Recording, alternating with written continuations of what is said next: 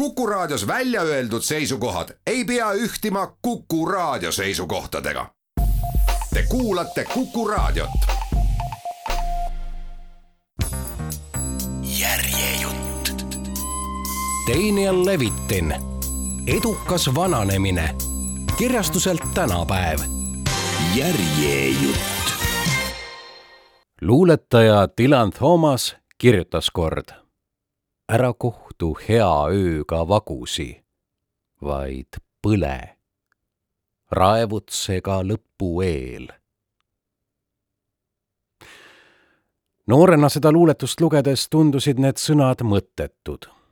ma nägin vananemist ainult hääbumisena, keha, vaimu ja isegi meele hääbumisena tööl käies märkasin, kuidas pensionieale lähenedes kadus inimeste silmist sära, naeratusest lootus ja nad loendasid päevi hetkeni, mil saavad jätta kõik selja taha.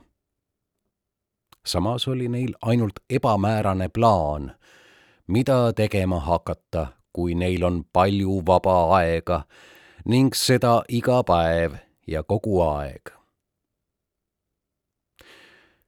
kuid kuna olen ise vanemaks saanud ja veetnud rohkem aega inimestega, kes on oma elu viimases veerandis, olen näinud vananemise teist nägu.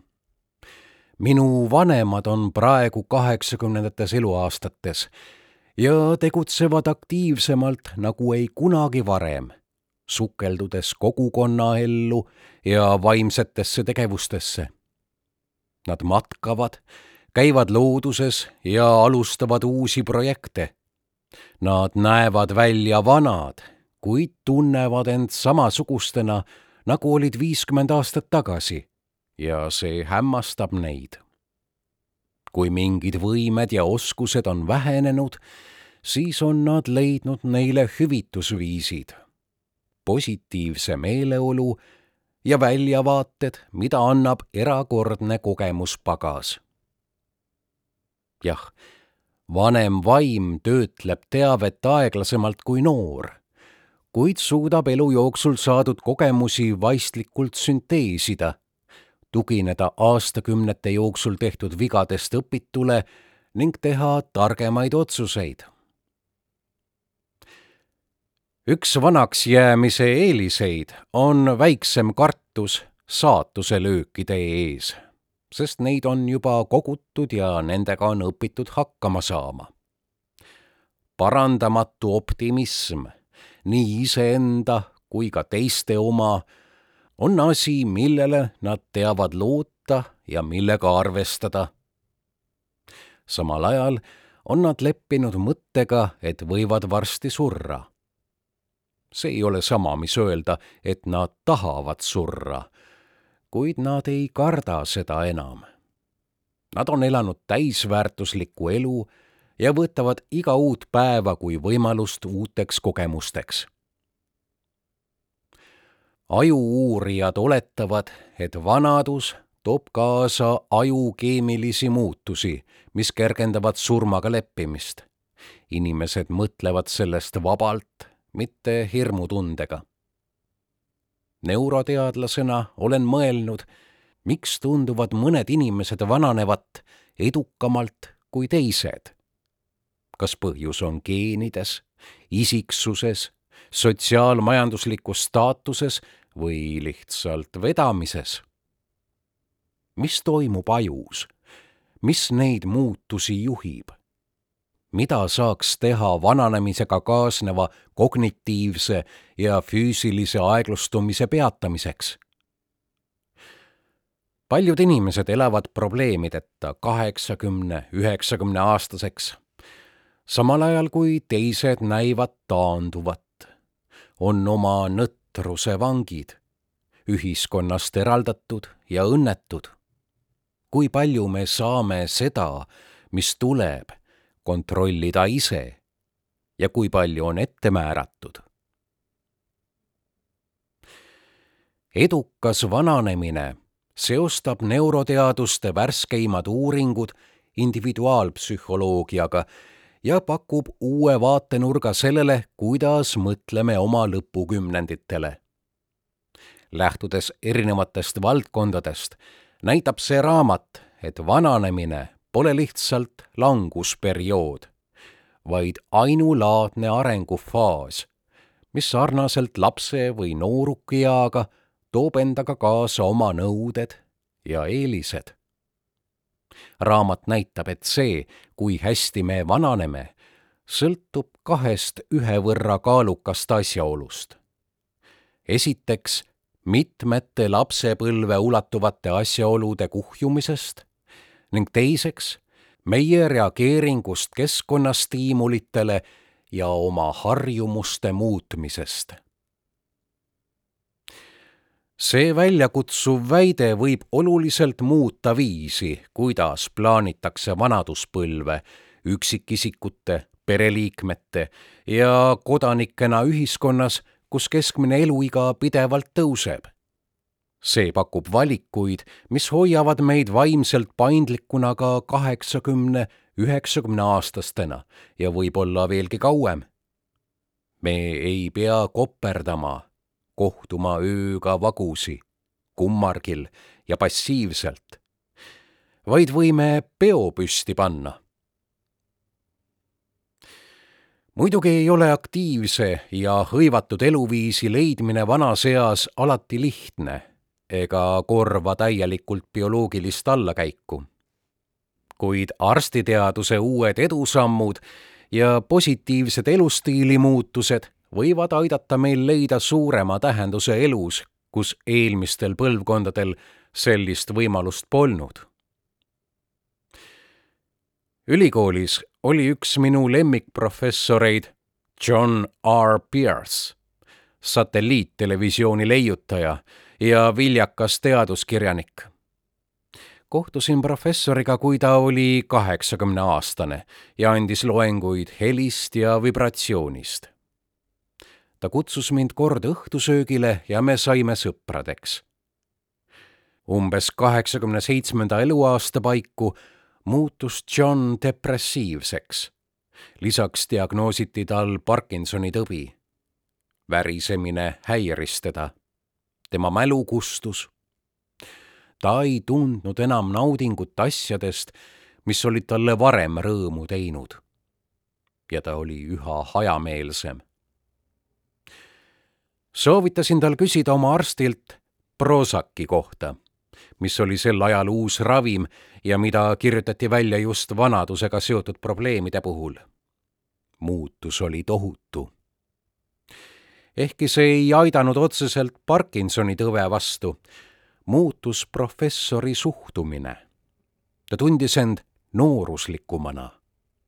ta hakkas taas korraldama õhtusööke ja pidama tudengitele loenguid, millest oli vaid aasta varem loobunud lihtne keemiline muutus ajus andis talle uut energiat. John elas üheksakümne kahe aastaseks ja suur osa viimasest viiest aastast oli tema jaoks täis rõõmu ja rahulolu. ja ka mulle tundus, et saan varasurnud vanaisa asemele uue. ehk kõige olulisem omadus, mida kogu elu jooksul arendada, on meelekindlus. kohusetundlike inimeste puhul on tõenäolisem, et nad lähevad mingi haiguse ilmnedes arsti juurde. Neil on kontroll oma ameti, perekondlike ja rahaliste kohustuste üle. See omakorda on tugevas korrelatsioonis positiivsete tulemuste kogusummaga elus sealhulgas pikaealisuse, edu ja õnnelikkusega. meelekindlust on seostatud madalama suremusega ükskõik millisel põhjusel.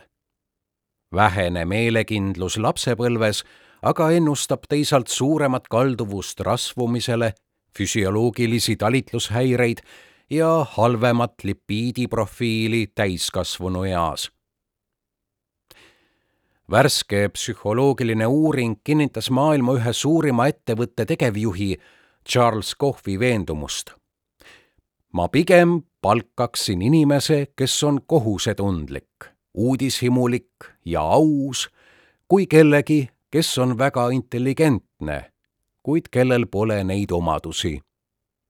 nagu ma tean, võib eesmärgitu intelligentsus ilma meelekindluse, uudishimu ja aususeta tuua kaasa masendava tulemuse. IQ, intelligentsuse kvoot, on kõigile tuttav. üha enam teatakse ka EQ-d, emotsionaalset intelligentsust. Kognitiivteadlased räägivad nüüd kolmandast mõõtmest, CQ-st ehk uudishimu koefitsendist mis prognoosib elu edukust nagu IQ või EQ või on isegi parem ennustaja. nagu võib arvata, on nii meelekindlusel kui ka uudishimul piirid. kui mõlemat on liiga palju, võib see põhjustada probleeme. Keegi, kes on liiga kohusetundlik, võib käituda obsessiivkompulsiivselt probleemiks on ka süsteemne kohusetundlikkus, kui see tähendab väärate reeglite pimesi järgimist. näiteks kui meditsiiniringkonnad soovitavad poliitikat, mis võib kahjustada tervist. ka avatus on omadus, mis mängib vananemisel suurt rolli. kas liigne avatus võib põhjustada riskantset ohtlikku käitumist. ja John Lennon, kelle avatus uutele kogemustele oli üldteada, kaalus ühel eluhetkel uue ravivormi katsetamist, mis oleks tähendanud koljusse augu puurimist. Amy Winehouse, kel oli probleeme impulsikontrolliga, suri kahekümne seitsme aastaselt alkoholimürgitusse. Steve Jobs kes oli samuti kuulus oma avatuse tõttu, harrastas kõhunäärmevähi tõestamata ravi, eirates samal ajal teaduslikult kinnitatud meditsiinilist ravi ja see avatus hukutas ta. Õnneks on iseloomujooned ja isiksused vormitavad, nagu ka aju ise. me saame muutuda me saame oma kogemustest õppida. kõigil meist on sisemine monoloog, jutustaja peas, kes jälgib selliseid asju nagu ma olen näljane või mul on külm. sisejutustaja ütleb meile ka see mulle meeldib. Need on asjad, mida mulle meeldib teha. Need on viisid, kuidas ma reageerin teatud olukordadele selle teadmine enda kohta on esimene samm muutuste poole.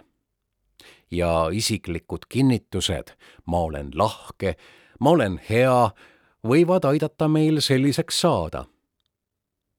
Üks vana kuulus psühholoogiakatse näitas, et inimesed, kes käituvad õnnelikuna, ongi lõpuks õnnelikud.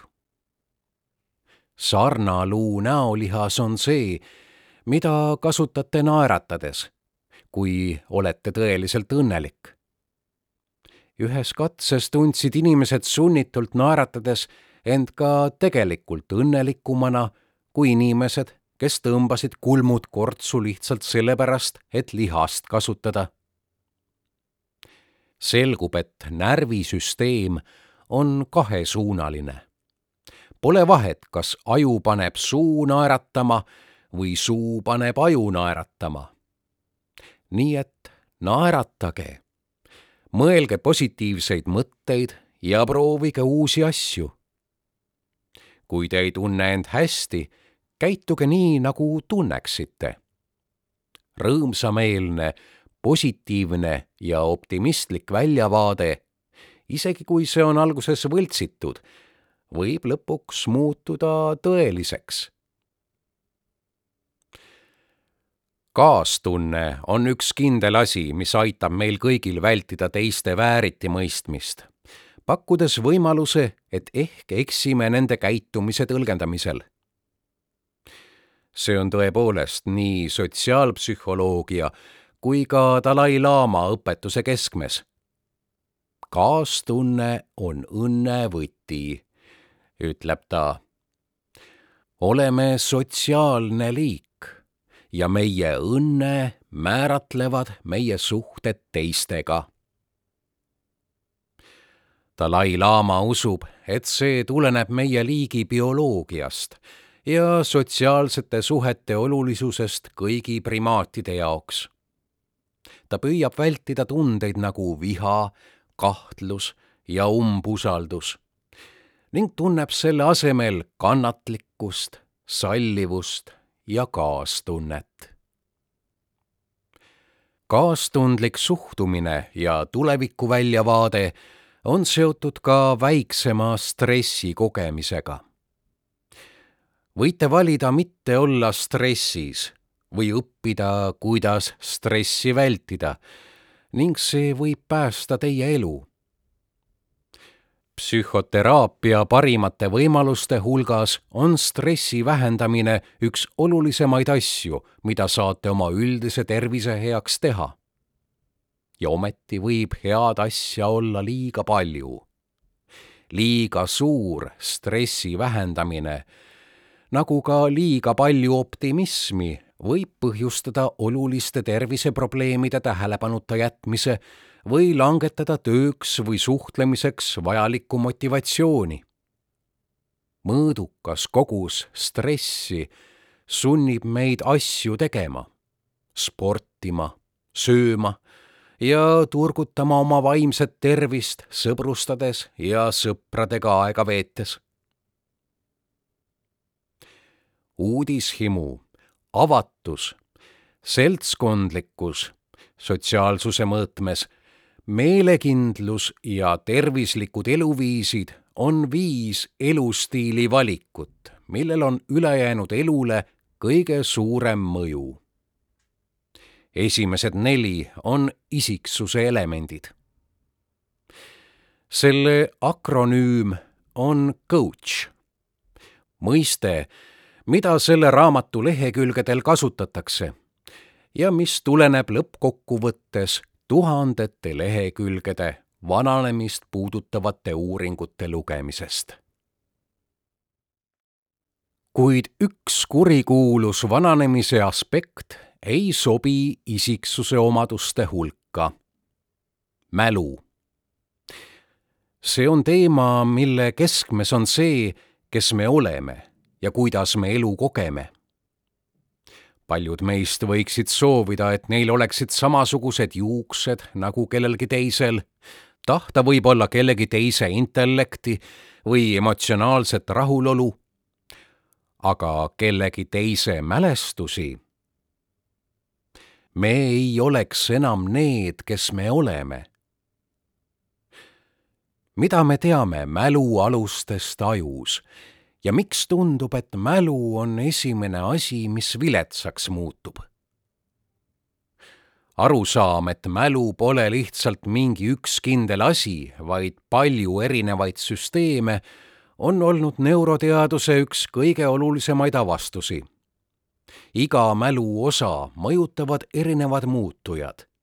Neid juhivad erinevad põhimõtted Neis talletatakse erinevat tüüpi teavet ja neid toetavad erinevad närviskeemid.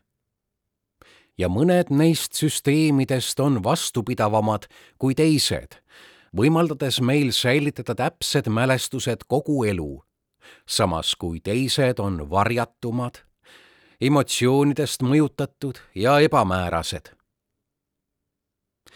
pidagem meeles, et evolutsioon toimub sobivuse järgi ega järgi plaani või eesmärki. pärast aju sadade tuhandete aastate pikkust evolutsiooni pole tulemuseks üks kena ja korrastatud süsteem, mis oleks meil juhul, kui kõik oleks olnud algusest peale ette kavandatud on tõenäoline, et inimese praegu olemasolevad erinevad mälusüsteemid järgisid erinevaid evolutsioonilisi trajektoore, kuna käsitlesid erinevaid kohanemisprobleeme. niisiis, praegu on meil üks mälusüsteem, mis jälgib, kus me maailmas asume, ruumiline mälu. teine, mis jälgib, kuidas kraani kinni ja lahti keerame, protseduuriline mälu. ja veel üks, mis jälgib, mida mõtlesime just kolmkümmend sekundit tagasi, lühiajaline mälu vanusega seotud mälukaotused tunduvad loogilised, kui näeme, et need mõjutavad ühte mälusüsteemi, kuid mitte teist. mälusüsteemid moodustavad hierarhia. kõrgeimal tasemel on eksplitsiitne ja implitsiitne mälu. Need hõlmavad seda, millele nimi viitab eksplitsiitne mälu hõlmab teadlikke kogemuste ja faktide salvestusi. implitsiitne mälu aga seda, mida teate, ilma et oleksite sellest teadlik. implitsiitse mälu näide on teadmine, kuidas teha keerulist toimingujada näiteks sisestada teksti või mängida klaveril peast muusikapala. Tavaliselt ei saa me seda jaotada alaosadeks, iga sõrme teadlikuks liigutuseks. Need on meie mälus seotud keeruka järjestusena.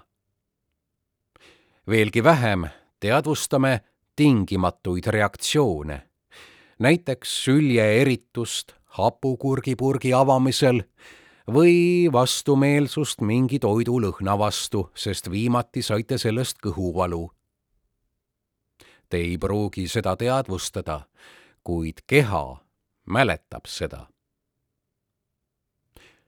eksplitsiitset mälu on kahte tüüpi ja need kajastavad kahte erinevat neuroloogilist süsteemi. üks neist on üldteadmised, faktimälu ja sõnade tähendused. teine on episoodiline teadmine, elu kindlate sageli autobiograafiliste episoodide mälestused. semantiline mälu, teie üldine teadmiste hoidla, on kõik need asjad, mida teate ilma igasuguse mälestuseta sellest, kuidas te neid tegelikult õppisite. näiteks, mis on Ameerika pealinn, millal on teie sünnipäev, isegi korrutustabel episoodiline mälu seevastu on kõik need asjad, mis hõlmavad mingit juhtumit või episoodi. näiteks esimene suudlus, mälestused kahekümne esimesest sünnipäevapeost või see, mis kell te täna hommikul ärkasite. Need sündmused juhtusid teiega ning te mäletate oma osalust ja rolli nendes just see eristab neid semantilisest mälust. Neil on autobiograafiline osa. kõiki neid mälusüsteeme, isegi terveid, on lihtne häirida või segi paisata. selles loendis tagasi ettepoole minnes sõltub lühiajaline mälu sellest, kas olete pööranud aktiivselt tähelepanu asjadele, mis on üksuses järgmine asi, mida teha. teete seda neile mõeldes ja neid korrates või loote vaimusilmas pildi. ma lähen kapist kindaid võtma või on aeg võtta südametablette, need on köögis laua peal, mis on telefoni lähedal. kuid selle tegevuse nõrkus saab kohe selgeks, kui mõelda kas või hetkekski millelegi muule. huvitav, kuidas lapselapsel uues koolis läheb. miks ma kööki tulin? mis tahes tähelepanu kõrvalejuhtimine, uus mõte, keegi küsib teilt midagi, telefon heliseb, võib lühiajalist mälu häirida võime selle sisu automaatselt taastada väheneb iga kümnendiga pärast kolmekümnendat eluaastat. kuid seitsmekümneaastase ja kahekümneaastase lühiajalise mälukaotuse erinevus ei ole selles, mida te arvate. olen kogu oma karjääri jooksul õpetanud kahekümneaastaseid bakalaureuseõppe üliõpilasi ja võin kinnitada, et nad teevad igasuguseid lühiajalise mälu vigu. Lähevad valesse klassi, tulevad eksamile ilma pliiatsita, unustavad midagi, mida ma just kaks minutit tagasi õpetasin. mäletan õpilasi, kes tõstsid käe ja tunnistasid häbenedes et unustasid selle, mida parasjagu öelda tahtsid, sellesama lühikese aja jooksul, mis mul kulus neile sõna andmiseks. Nad sarnanevad seitsmekümneaastastega. erinevus on selles, kuidas me ise neid sündmusi kirjeldame ja endale selgitame. kahekümneaastased ei mõtle, oh issand see on vist varakult algav Alzheimer. Nad arvavad, mul on praegu nii palju teha või mul on tõesti vaja rohkem kui neli tundi magada. Seitsmekümneaastane jälgib neid samu sündmusi ja muretseb oma aju tervise pärast. filosoof Jean-Paul Sartre'ilt pärineb kuulus ütlus. põrgu, see on teised inimesed. see pole tõsi, mitte siis, kui soovite kaua elada. Hea tervise ja pika eluea üheks võtmeks on sotsiaalne seotus. Üksindust seostatakse varase suremusega. See on seotud peaaegu kõigi meditsiiniliste probleemidega, mida võib ette kujutada, sealhulgas südame-veresoonkonna haigused, isiksuse häired, psühhoosid ja kognitiivsete võimete langus. üksindus võib kahekordistada Alžeimeri tõve tekkimise tõenäosust. see hoogustab stressihormoonide tootmist, mis omakorda põhjustab artriiti ja diabeeti dementsust ja enesetapukatsete arvu. see võib tekitada põletikke ja vähendada treenimise kasulikku mõju neurogeneesile, uute neuronite tekkimisele. Üksindus on tervisele kahjulikum kui suitsetada viisteist sigaretti päevas. kui olete krooniliselt üksildane, suureneb risk surra järgmise seitsme aasta jooksul kolmkümmend protsenti. üksindus ja sotsiaalne eraldatus pole üks ja seesama. sotsiaalne eraldatus tähendab vähest inimestega suhtlemist ja seda saab hinnata objektiivselt. näiteks, kui paljude inimestega nädala jooksul suhelda ja kui kaua üksindus on täiesti subjektiivne. see on teie emotsionaalne seisund. sotsiaalset eraldatust saab mõõta. üksindust saab tunda. Inimesed võivad tunda end üksikuna isegi siis, kui nad on ümbritsetud teistega, näiteks peol või suures peres üksindus on tähenduslike suhete puudumise tunne ja see võib tekkida teadmatusest, valesti mõistmisest või intiimsuse puudumisest. abikaasa olemasolu aitab mõnikord ja mõnikord mitte.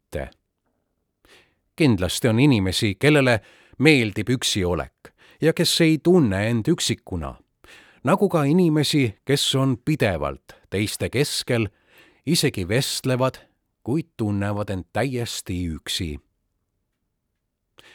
vallaline olemine suurendab üksinduse ja paljude terviseprobleemide riski.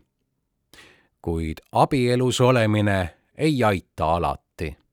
mitte kõik abielud pole õnnelikud. sotsiaalne eraldatus võib muidugi põhjustada üksindust ja need mõlemad võivad vanemas eas mitmesuguste tegurite tõttu suureneda. inimesed lähevad pensionile ja kaotavad kiiresti sotsiaalsed kontaktid töökaaslastega. sõbrad surevad. Tervise ja liikumisprobleemid muudavad kodust lahkumise raskemaks. paljude tänapäeva ühiskondade nooruse kultus paneb vanemaealised tundma end väärtusetute, soovimatute või nähtamatutena. nooremad sõbrad ja pereliikmed on hõivatud oma eluga ega pruugi leida nende külastamiseks aega. Suurbritannia valitsuse tellitud uuringu põhjal selgus, et kakssada tuhat vanemaealist ei olnud ühegi sõbra või sugulasega rohkem kui kuu jooksul kordagi vestelnud on selge, et selline äärmuslik sotsiaalne eraldatus võib põhjustada üksindust.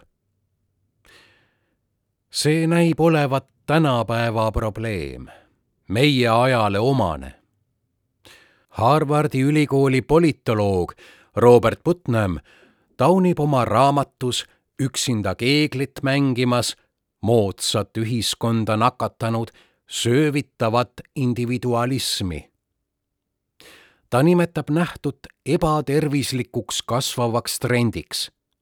liikumine poliitilise apaatia poole, loobumine kirikus käimisest, ametiühingusse kuulumise vähenemine, bridžiklubide ja ühiste õhtusöökide, vabatahtliku tegevuse ning doonorluse vähenemine. New Yorgi ülikooli sotsioloog Erik Linenberg lisab, kogu maailma ühiskonnad on omaks võtnud individualismi kultuuri. rohkem inimesi kui kunagi varem elab üksi ja vananeb üksi. neoliberaalne sotsiaalpoliitika on teinud töövõtjatest ebakindlad lepinguta töötajad ja kui töökohad kaovad, lagunevad asjad kiiresti koost. ametiühingud, kodanikuühendused kogukonnaorganisatsioonid, usurühmad ja muud traditsioonilised sotsiaalse solidaarsuse allikad vähenevad pidevalt. Üha enam tunneme kõik, et oleme jäetud iseenda hooleks. paradoksaalsel kombel vihjab Klinenberg kommunikatsioonitehnoloogia arengule kui ühele üksinduse põhjustajale kui tekkisid Facebook ja teised sotsiaalvõrgustikud, ennustasid need koos selliste tehnoloogiaettevõtetega nagu Apple, Microsoft ja Google, et internet aitab luua tugevamaid ja sisukamaid suhteid, luues tõelisi veebikogukondi. selle asemel on tekkinud olukord, et mitmel viimasel aastal on lõhed inimeste vahel veelgi suurenenud meil võib olla tuhandeid sõpru Facebookis, Instagramis, Twitteris ja kus kõik veel, kuid see ei paku mingit rahuldust. Pole avaldatud veel ühtegi asjakohast veenvat uuringut, kuid olen nõus kihla vedama, et suhtlus küberruumis ei käivita oksüdotsiini, prolaktiini ja endorfiinide eraldumist viisil nagu tegelik inimlik kontakt. ehkki nagu ma juba varem olen kirjutanud, võib meeldimise, laiki saamine põhjustada dopamiinisõltuvust. sotsiaalne eraldatus ja üksindus võivad muuta isegi geene üksildasel inimesel on suurenenud HPA telje aktiveerimine, mis põhjustab liigselt kõrgenenud valvsust sotsiaalsete ohtude suhtes. Nad võivad uskuda, et enamik inimesi maailmas soovib neile halba, tahab neid alandada, on nende vastu vaenulikud või halvustavad selles sarnanevad krooniliselt üksildased inimesed nendega, kellel on traumajärgne stressihäire. sotsiaalne eraldatus aktiveerib ajus üheaegselt hirmu ja agressioonisüsteemid, mis põhjustab kartlikkust, ülitundlikkust ähvardavate stiimulite suhtes ja suurenenud agressiivsust. enamiku inimeste jaoks tekib une ärkveloleku tsüklis energiavajaduse langus kella kahe ja nelja vahel hommikul, kui nad magavad, ja teinekord umbes kella ühest kolmeni pärastlõunal. Kui teil on unepuudus, mis ei viita mitte ainult viimastel päevadel magatud tundidele, vaid ka une kvaliteedile, siis märkate pealelõunast langust paremini. ja vananedes märkate seda rohkem. unehügieen hõlmab eredate tulede vältimist enne magama minekut, magamist täiesti pimedas ruumis, vajadusel muretsege pimendavad kardinad ja magama minemist ning ärkamist iga päev samal kellaajal. nüüd, kui teame ööpäeva rütme, saame sellest paremini aru. Teie bioloogiline kell eeldab, et lähete magama kindlal ajal ööpäeva rütmis. see reguleerib teie kehatemperatuuri, aeglustab seedimist, vabastab melatoniini, surub alla dopamiini ja järgib kümneid muid regulatsioone. kui lähete magama tavapärasest varem või hiljem, on need tsüklid pisut rütmist väljas, kuna magate valel ajal. une kvaliteet on halvenenud. ka toiduvalik on oluline. söömine kahe tunni jooksul enne magama minekut võib lahutada ööpäevarütmi maksa, mao ja soolestiku rütmidest. see, mida süüa, võib samuti olla oluline. on teada, et alkohol häirib unetsüklit ja ööpäevarütme ning rasvased toidud kipuvad kella edasi keerama praktikas tasub süüa rasvaseid toite, nagu need, mida näidatakse peaaegu igas hilisõhtuses telereklaamis, just siis, kui peate kaua üleval olema kokkusattumus? arvan, et mitte. valgus ja melatoniiniravi on tõhusaimad ööpäevakella lähtestamise vahendid, eriti eakatel inimestel. Need mõjuvad ka Alžeimeri tõvega või kerge kognitiivse kahjustusega inimestele võimalik, et need ravimeetodid võivad ära hoida ka Alžeimeri tõve tekkimise või seda edasi lükata. laboriuuringutes on melatoniin vastastik mõjus beeta-amülöidvalguga, mis pärsib ohtlike amülöidsete fibrillide teket ning häiritud ööpäevarütmi ja Alžeimeri tõve seos on hästi tõestatud ühes uuringus toetas melatoniini kasutamine Alžeimeri varases staadiumis tulemust selliselt, et unekvaliteet paranes, päikeseloojangu sündroom vähenes ja kognitiivse languse progress aeglustus.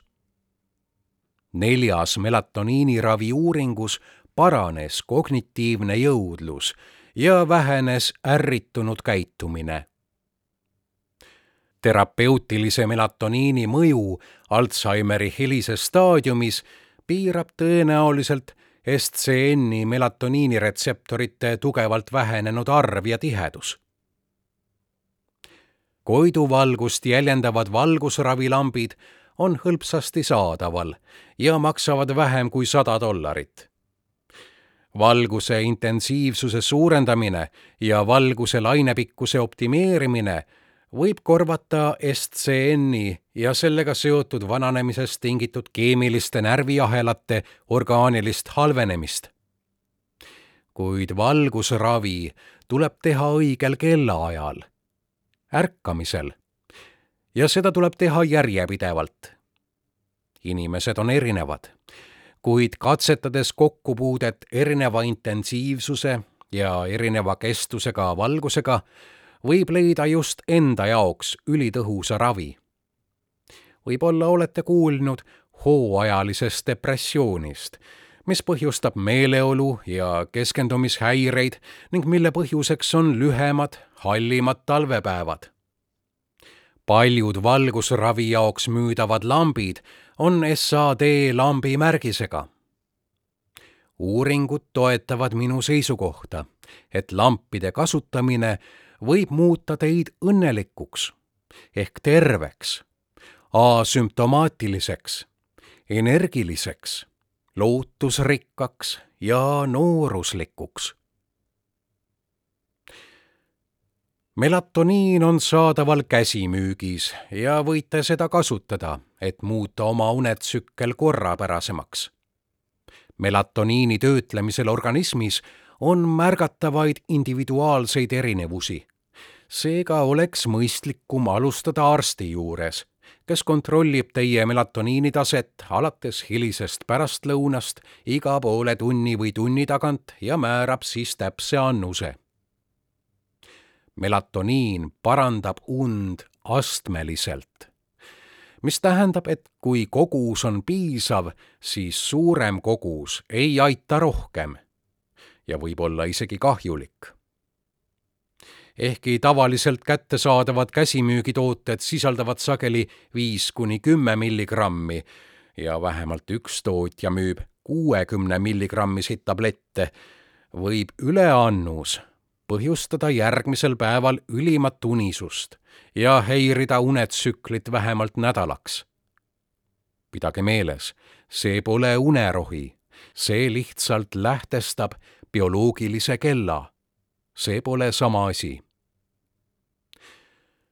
melatoniini tase tõuseb neliteist tundi pärast ärkamist. kui magate igal öösel kaheksa tundi ja ärkate kell kuus hommikul, tähendab see, et teie melatoniini tase tõuseb loomulikult kaheksa paiku õhtul ja te hakkate uniseks jääma ning te lähete magama kaks tundi pärast seda, umbes kell kümme õhtul. kui melatoniini imendumine vereringesse võtab umbes tunni, peaksite võtma ühe tableti umbes kolm tundi enne magama minekut järgmine tõhusaim ravi, valgusravi ja melatoniini kõrval on mõõdukas treening hilisel pärastlõunal või varahommikul, näiteks väljas jalutamine. parim on kõigi kolme kombinatsioon. kofeiin on üks enim meeleolu muutvaid aineid maailmas. paljude inimeste jaoks suurendab see ärkvelolekut, erksust ja keskendumisvõimet ning võib aidata kehtestada või muuta ööpäeva rütme, eriti ajavööndite ületamisel. Kui suurel määral, kui üldse, kofeiin inimese ööpäevarütmi häirib, pole veel teada.